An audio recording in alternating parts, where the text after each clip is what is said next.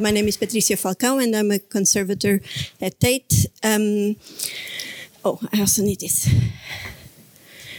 Uh, I think I must be very clear to start with. I'm, I'm a conservator, and I trained as a conservator for furniture to start with, and now I ended up here. I, I I've learned to read code because a little bit because I needed to. I'm not a programmer, and I'm not a software developer, so it's not a requirement. And I always have this little bit of the um, what's the there's this where you always feel that you don't know enough. And now I've, over the ti- time, I've learned actually I don't know programming, but I do know quite a lot. so I'm, I'm, I hope you, you, yeah, I'm waffling now. Uh, so as I said, I'm a time-based media conservator, and at Tate we have um, a very large conservation department. I think there's about 50 people between conservators and technicians that deal with all the different media, so from paintings and sculpture to paper. Um, and we've had a section dedicated to time-based media, which we define as film, anything that has the aspect of time. So film and video, uh, software, performance, if there's people involved, um, and then light, light boxes for historical reasons. Uh, and so the team I work in is is probably one of the largest time-based media conservation teams in the world.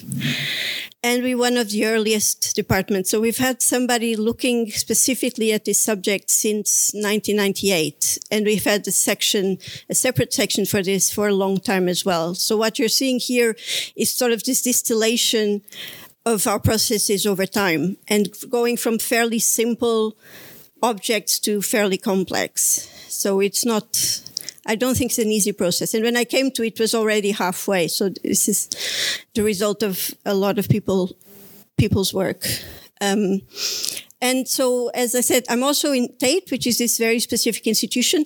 And because I've been there very long, I also have a very narrow view of the context. So if, um, if yeah, let's say it, it's it's this whole context is fairly narrow, so it's it's worth questioning it if you have any any questions. Um, I think what's important for me is that it's actually on Tate's mission. So this is what the government approved back in the 70s, I think, was that this is what we need to achieve. And this is to care for, preserve, and add to the works of art in our collection and the archive. And I only work with our art collection. The, uh, there is the archive as well, who also has their own digital challenges, um, but they're a separate section.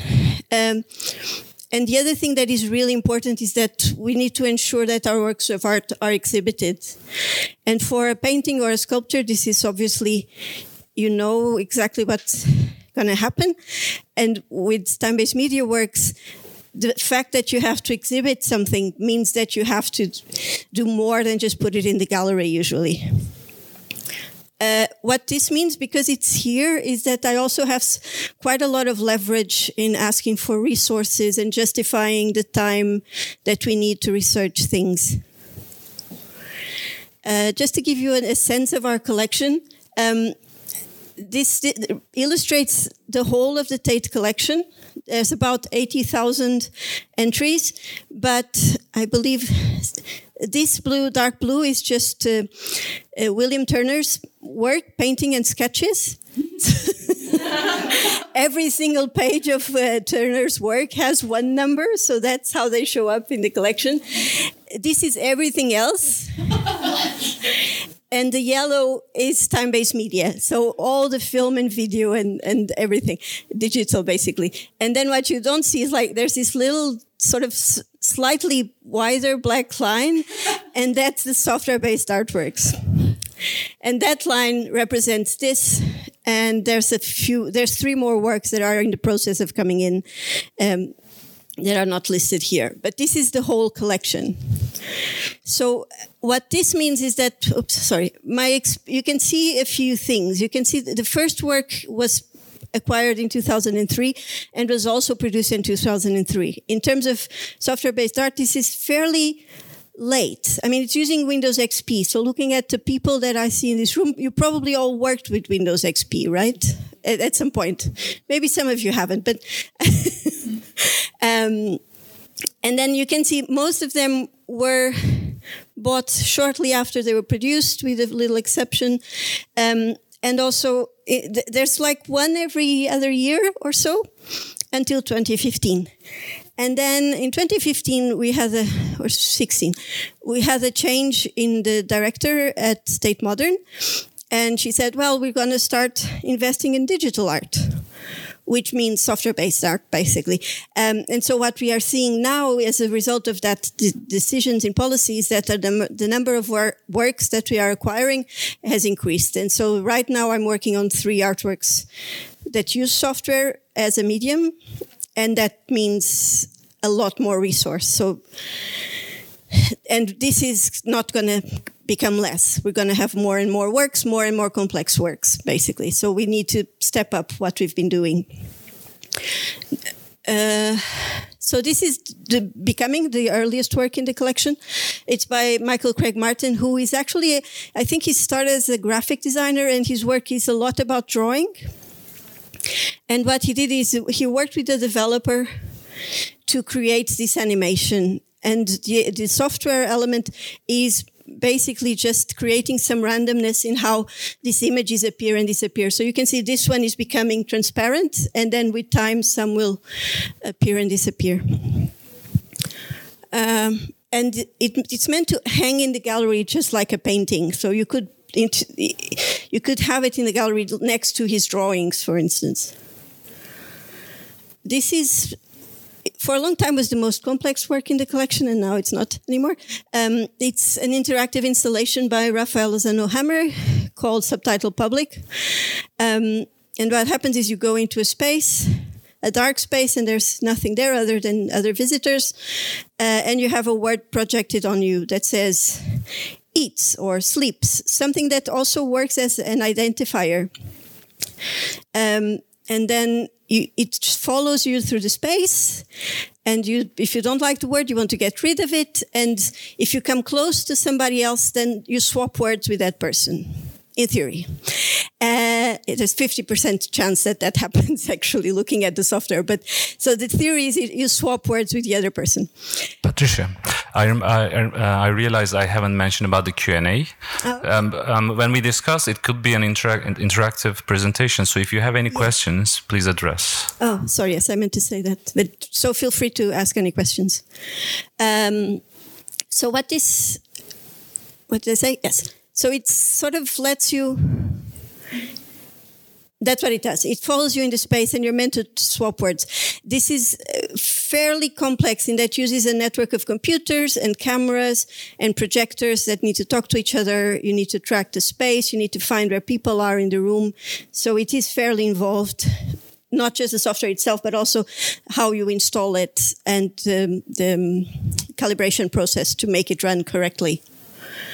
Uh, and this is another piece by Jose Carlos Martinat, who's a Peruvian artist, uh, called Brutalismo.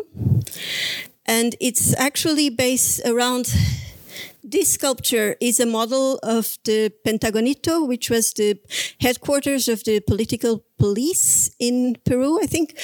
Um, and the work was also firstly shown on this brutalist gallery in Brazil, uh, Galeria Leme, which is in this brutalist building. So what the, the software is doing is if you see, there's this computer here, and it's searching the internet for words around brutalismo as an architectural term, but also related to dictat- dictatorship and, and political violence and all sorts of, and, and then it actually is looking just brutalismo and, and related terms. And it was very much looking at South America. And then we brought it to London.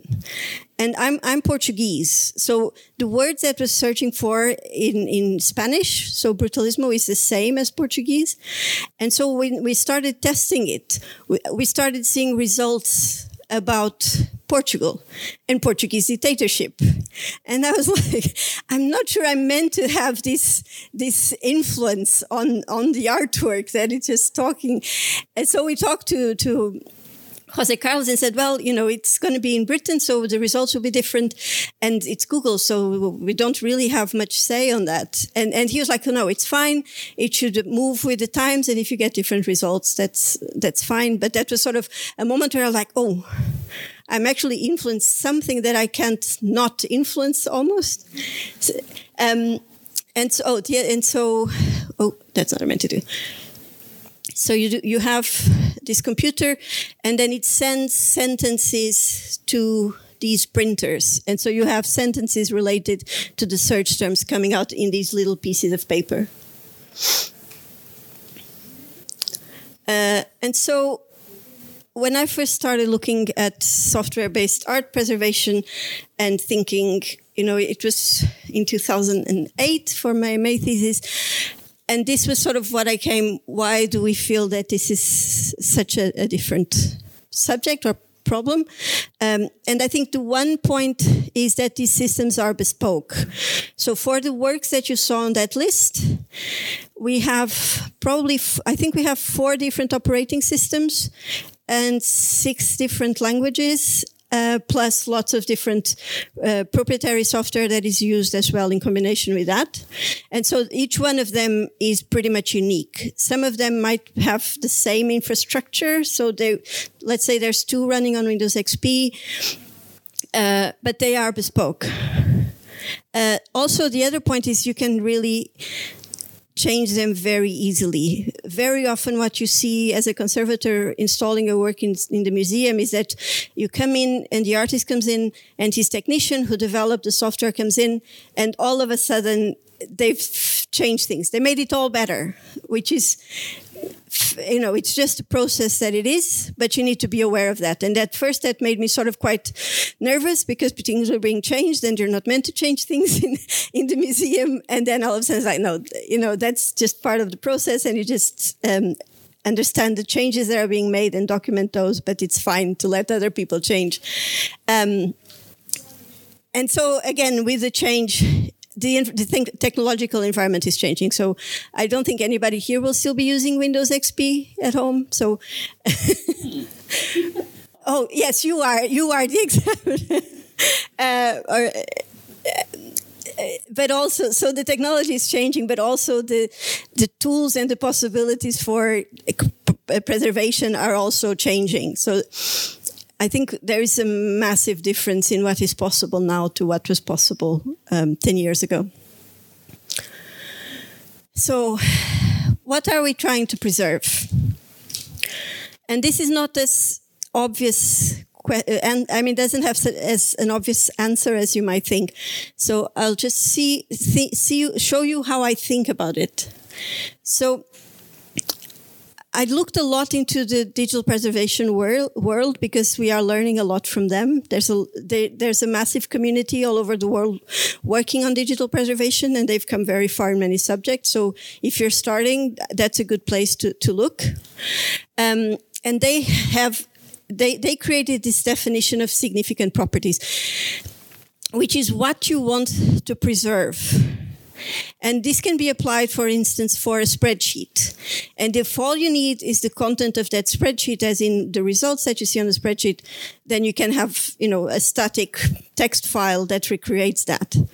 But if you want to know the calculations that are used to create the numbers on that spreadsheet, then you need to do something else. And for artworks, it's the same, but with another level of complexity. So what I did was I just stole their definition. And instead of saying digital assets, I say artworks. And what that does is explode outside of the digital world to the whole artwork, or at least that's what I hope it happens.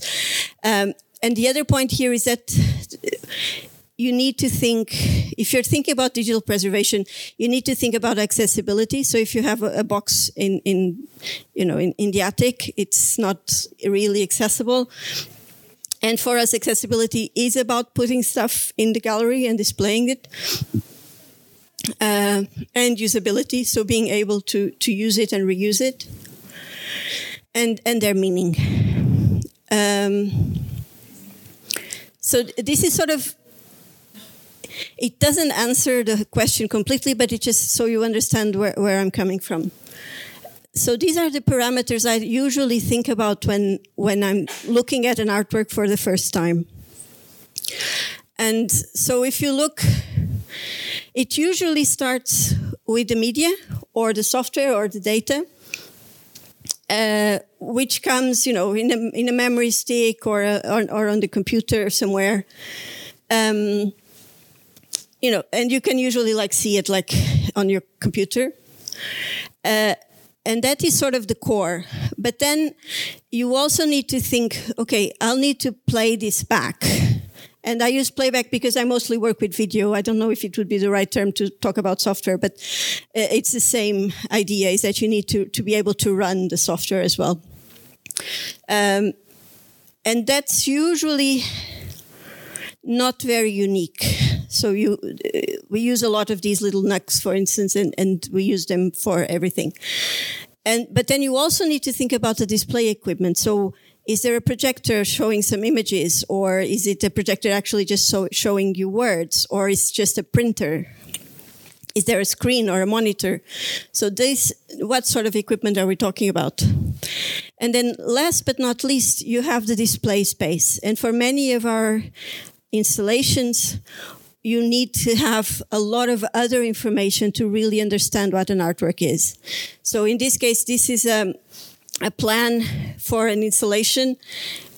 And, you know, you start, you have these files here, and in the end, they need to be displayed in the space like this. So you know that's you know the first the first projection is there, the second projection is there, the third projection is there. So it's it's a lot of things that you need to bring together.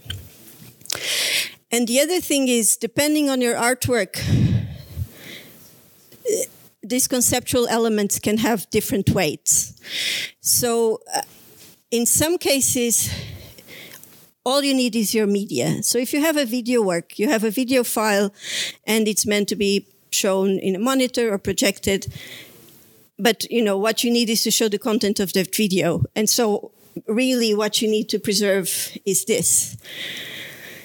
But if you have something like an Nam June Paik um, artwork, it can be that some of these aspects, specifically uh, the display space or the display equipment have conceptual value. And in that case, you need to adapt your strategies to be to accommodate that. And so this is sort of what I think when we first do an assessment of, a, of an artwork. Um, and the, that moment is, is here. So so this is how we think about the life cycle of an artwork in the Tate collection. So the artworks are produced here or sometimes there, depending by the artist. Um, and by the time they come to us, they've usually been shown a few times at least in in different environments. So there's this history before it gets to us. Um, and then Tate has a very strict procedure uh, about or process on how an artwork is comes into the collection. So curators propose artworks, and then before the final agreement is given, uh, they contact us and we create this risk assessment process, and that is this acquisition moment. And at that stage, we do that risk assessment. We plan the preservation for the longer term, and uh, and we create a series of, of report, uh, reports that I'll talk about in a second. Uh, but so this is the overall aspect. So you, you start with an acquisition, um, and then the work either goes into storage or it goes on display. Uh, that's still not the most common. Uh, usually, an artwork will come in and be stored for a couple of years and then is shown, just because of how um, exhibitions are planned with a few years interval. Um, and then eventually, you you may need to do an intervention intervention of some sort into the object. So this will mean it's often before a display, uh, or if we are aware of some problem. And a lot needs to happen sometimes happens at the acquisition stage as well. So i'll just say a little bit more about this moment because it is a key moment. It's what uh, you were saying um, at lunch is actually when you you need to have the information you need as early as possible. So if you know something is coming into your collection, that is the moment where you have the time to look at that. It's also for us, it's a moment where we have a bit of pressure because what we do at Tate is we won't pay for an artwork until we have all the information and the media that we need. So that means that there is an incentive for the galleries and the artists to, to give us information we need because everybody's very, very busy. And so sometimes it can be difficult to do that. Uh, so it usually starts with a few emails, just getting a sense Actually, no, that's not how it starts. Sometimes it usually starts with a, a, curator sending us an email saying, "We're looking at this work. What do you think?" And then uh, usually there may be a, PDF with some details about the work, but usually there's nowhere near enough information to give an assessment. And so we use Google, of course, and, and find images online and, and try to figure out what an artwork is. And actually, over time, we become very good at just looking at a couple of videos or images and sort of making an assessment of what, no, really, you know, you like, okay, there's a video, there's three videos, there's might be sync or not, and there must, so there's speakers, so there's sound, and you look at it. So you you can get. I, I joke that we're little detectives and trying or stalkers, depending on the point of view. Um, and so we do a lot of guesswork first, and then eventually we go to the artist and, and start asking these questions that we need for, for our initial report. And what I found is you need to do your homework because if you, I've, yeah, in, you, you can't go to an artist with a standard set of questions because they just get and then you don't get an answer. But if you come to somebody and you know what you looked at, so you have precise questions that they can answer quickly, that's a much better chance of getting a good answer. So I totally not do not recommend form, you know, forms to be answered because it doesn't really work, or you don't get the information you need. Um, so we, we ask questions about these three things. So we want to understand how an artwork is produced, what technologies are involved, who worked on it, you know, um, what uh, equipment is, is, is necess necessary, uh, and what they want to send us. So are they going to send us a computer with everything installed? Is it just an executable file on a USB stick? Uh, is there any source code included? Um, we want to understand that. And sometimes through this process, we understand, ah, what they're giving us is actually not enough. And it's not a big deal if we ask for something else at this stage because they are getting all the data together. So if we ask now, we'll get what we need. Um, and so the third aspect are these are the display requirements, which is also important at this point because it helps us understand the equipment we may need. Um, and this is very informal. This is usually sort of four or five emails back and forth, depending on how complex the work is. Uh, and it is just a first step. So we then build on it as, as we receive the materials in house. But the first step is just understanding what it is. Uh, so all of this is fed into this report that we fill out, which is in fact a risk assessment. And it's not very obvious here, but by doing this work, we are planning how we want to preserve it in the future, or at least what we need to do in the present so that we can preserve it in the future is actually the, the point. Uh, and also very helpfully, it tells our curators and our budget holders how much money they're going to have to spend to preserve this work. Um, and then the other point is the result of the, the, discussions about the display is that we create this document called display specification, which has all the information we need to display an artwork. Uh, and these are some of the examples, you know, these are things that we try to, to understand.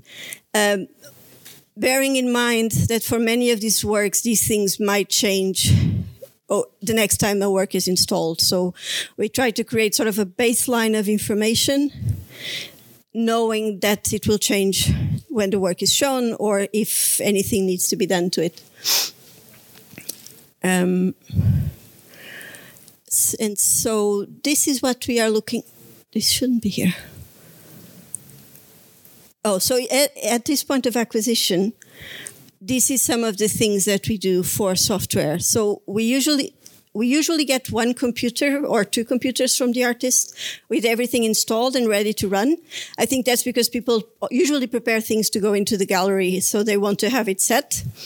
And we assume that if it's on there, or, well, we don't assume actually because because we test it, but the, the, the assumption is that the work is, is running as it's meant to run on that computer.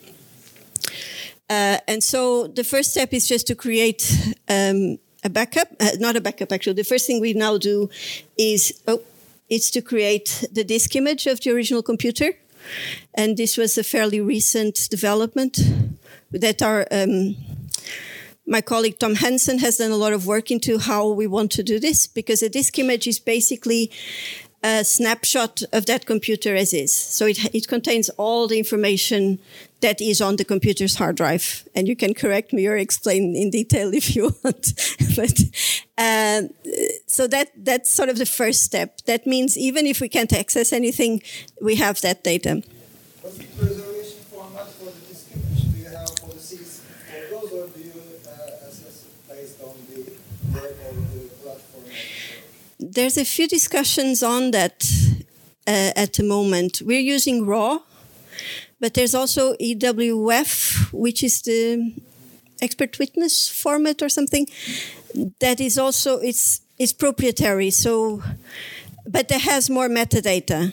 And now I'm probably going to dip on the that that techie end. But so th- there's a few options. Uh, that are still in discussion, but RAW seems to be uh, a, a, safe option. Uh, so that's the first step. And then we do a series of, of copies. So we, we create another hardware copy. So we buy a new computer and we install all the software. What we find is that by doing that, we often find things that, you know, sort of the, if the software uses a library and you don't have it, you won't have it on the computer that you've newly installed. So it, it will tell you that. Um, and just the, the process of installing it means you learn more about the software and the system. It also means that you can have one computer in the gallery running, and if it breaks, you can replace it immediately. Uh, which happens if you have a work running for 70 hours a week in the gallery. That's certainly going to happen. Um, so the other thing we've done is to start creating disk images from scratch. It's much cheaper than buying a computer, and and um, you learn again more about those dependencies that you need to care for. Um, actually, I, I, yeah, and I mean libraries are pieces of software that are not necessarily in your operating system and are also not part of your soft of your artwork software, but that you still need it to run. So they they, they would be on the disk image. They would be on the disk image, yeah, but not if you if you are creating the new computer and you don't want to build it from the disk image. Oh yeah. Then you know, and then uh, not from the disk image. Okay. Not from the disk image. No, we we would install it from scratch. Uh, and and also we then. Oh, sorry. Okay. I'll, There's time. There's still time. There's ten minutes. And so you then have copies, and then we keep copies of the operating systems and the executables and libraries that we want as digital objects. How about the hardware? Do you keep backups of the hardware, like I mean, hard disks, RAM, or motherboards, or something like that, or do you just keep it because most of the drivers of the are? Uh, no, we don't. Other than the extra computer, we don't keep any other because in general they're not. You can move them on. So uh, the fact that we create the, the, the hardware backup is more as a learning process, and because we do need something to move into the gallery, rather than thinking that that that is relevant. You know, the, there is very little. I in no none of our works is the hardware essential.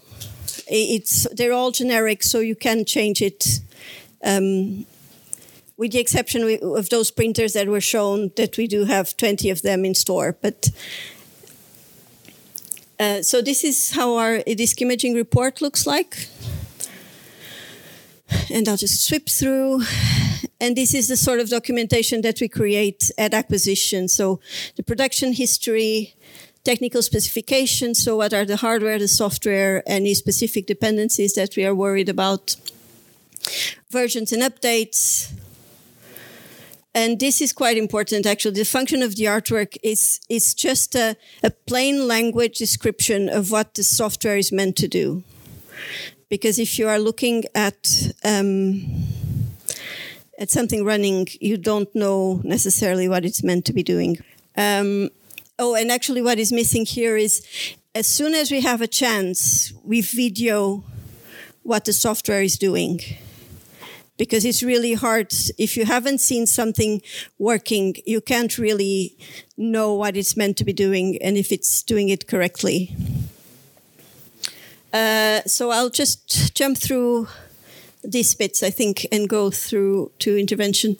So storage. This is how our storage looks like, and it's really essential. Um, you know, uh, sorry, this is not how our storage looks like. Actually, this is how our storage looks like for objects. That's where I keep our uh, and this is how we keep our media. So we still have, I mean, we keep all our videotapes and we have lots of hard drives that are st- staying there in the, and this is sort of where I wish we were with our digital storage. I think this may be a Google farm. It's not, it's not our servers. Certainly not our servers. Um, yes, so that, that is a current project that has been much more painful than we thought it would be is how to achieve uh, archival storage for digital things.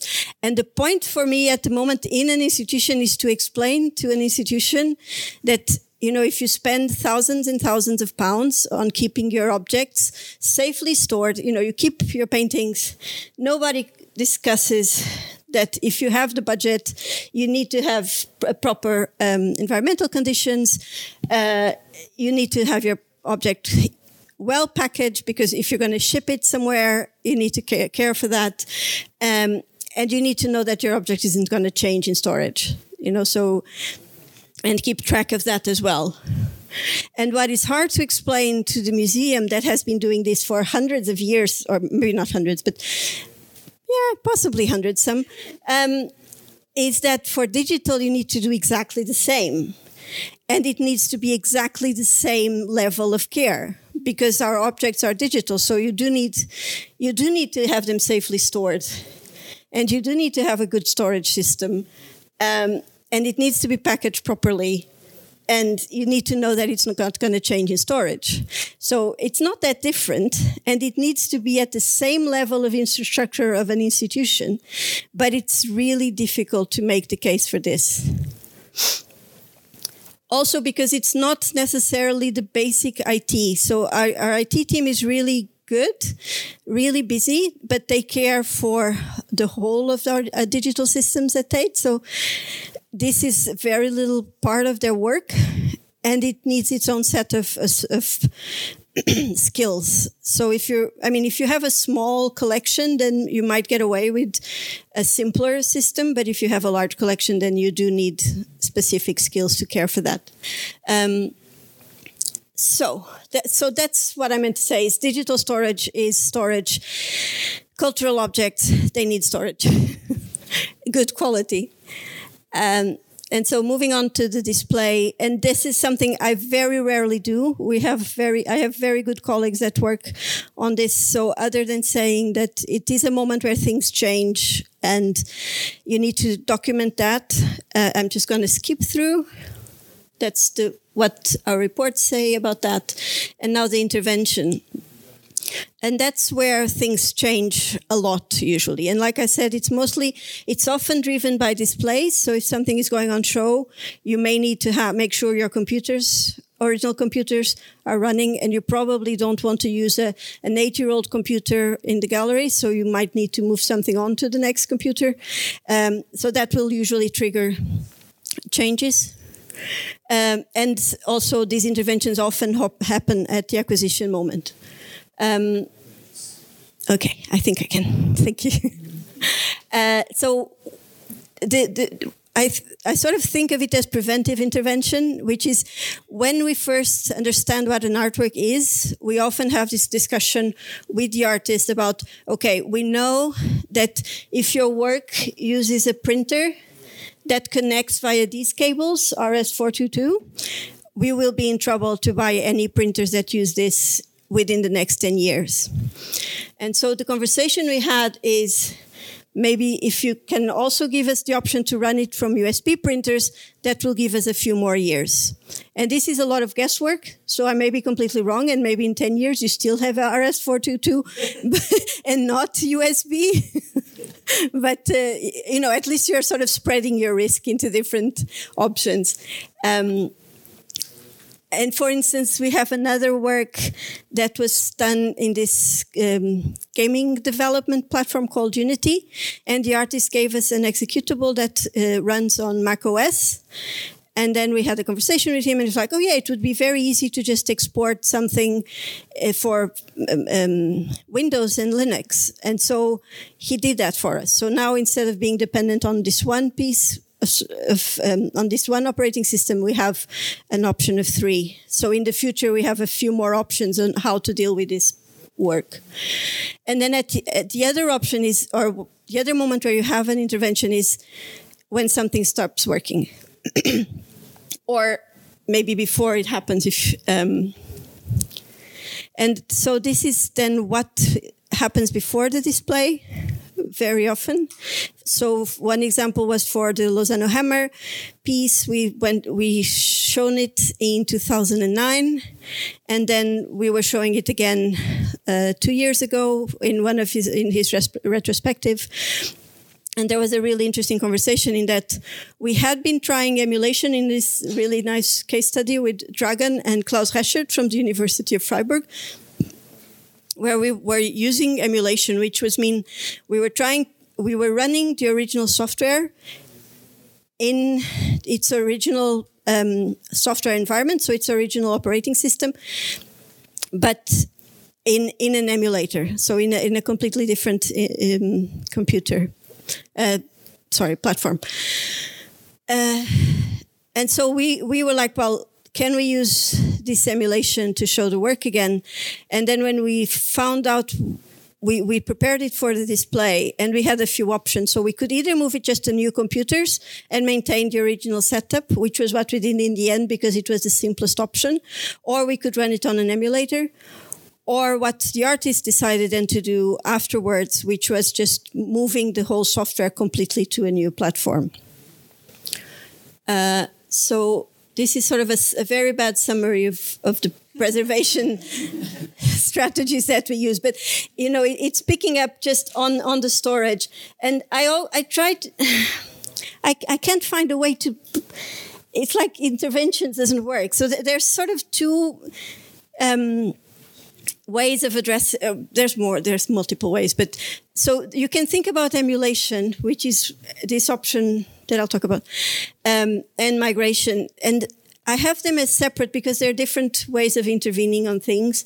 But actually, there's, I think in most cases, you end up, or very often, you end up having to, to use both in one way or another. So they're almost like different tools. If you're a, a paintings conservator, you, you wouldn't clean every single painting with the same solvent. You will choose which solvent is best for your work. So, and this is a little bit the same process. And then, uh, it's documentation again. It's it's sort of the overarching thing because it is you need to understand what was done, but also because you are it's so easy to change things. You also want to maintain to to at least have access to what was done originally and to understand how it has changed over time.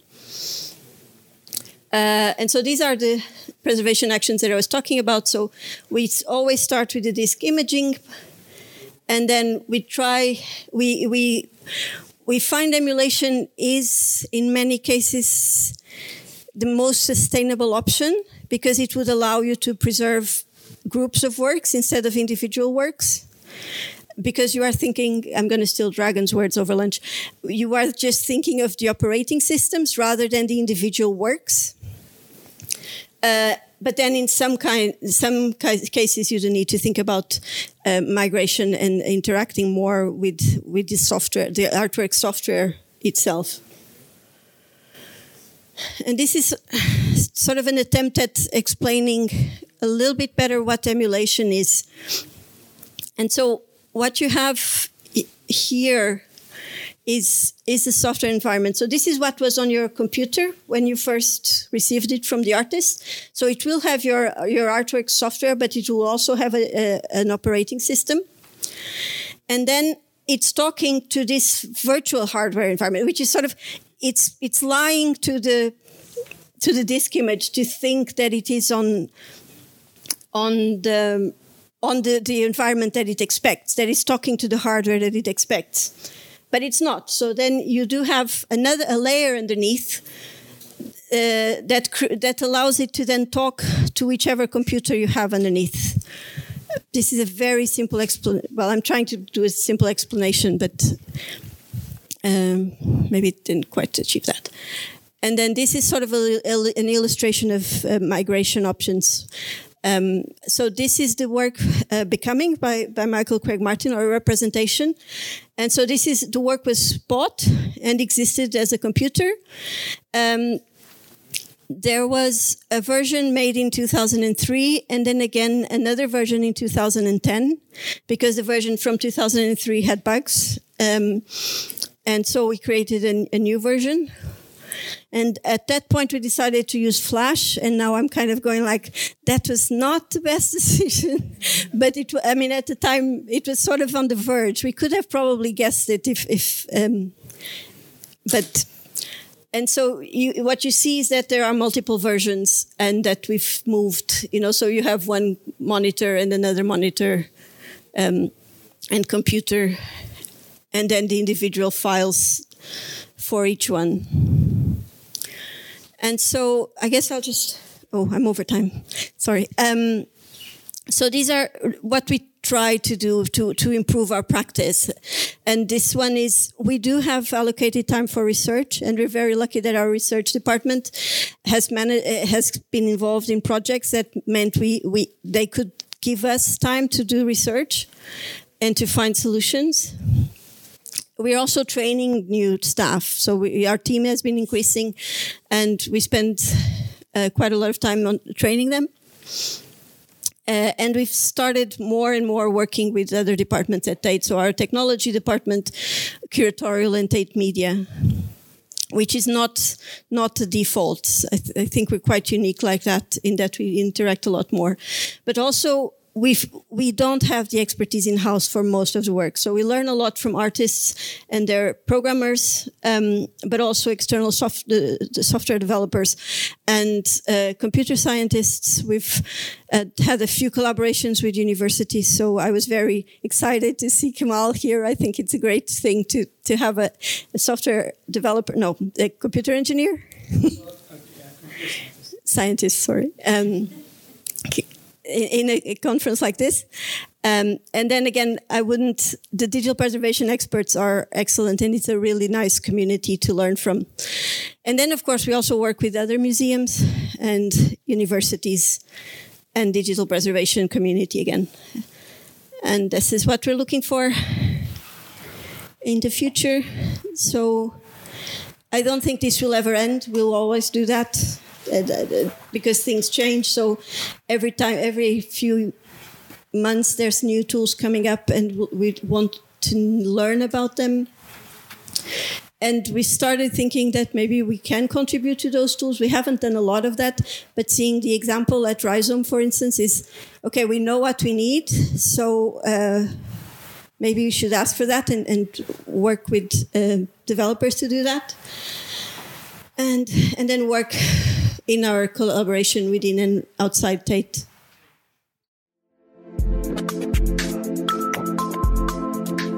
Daha fazlası için digilop.com adresini ziyaret edebilirsiniz.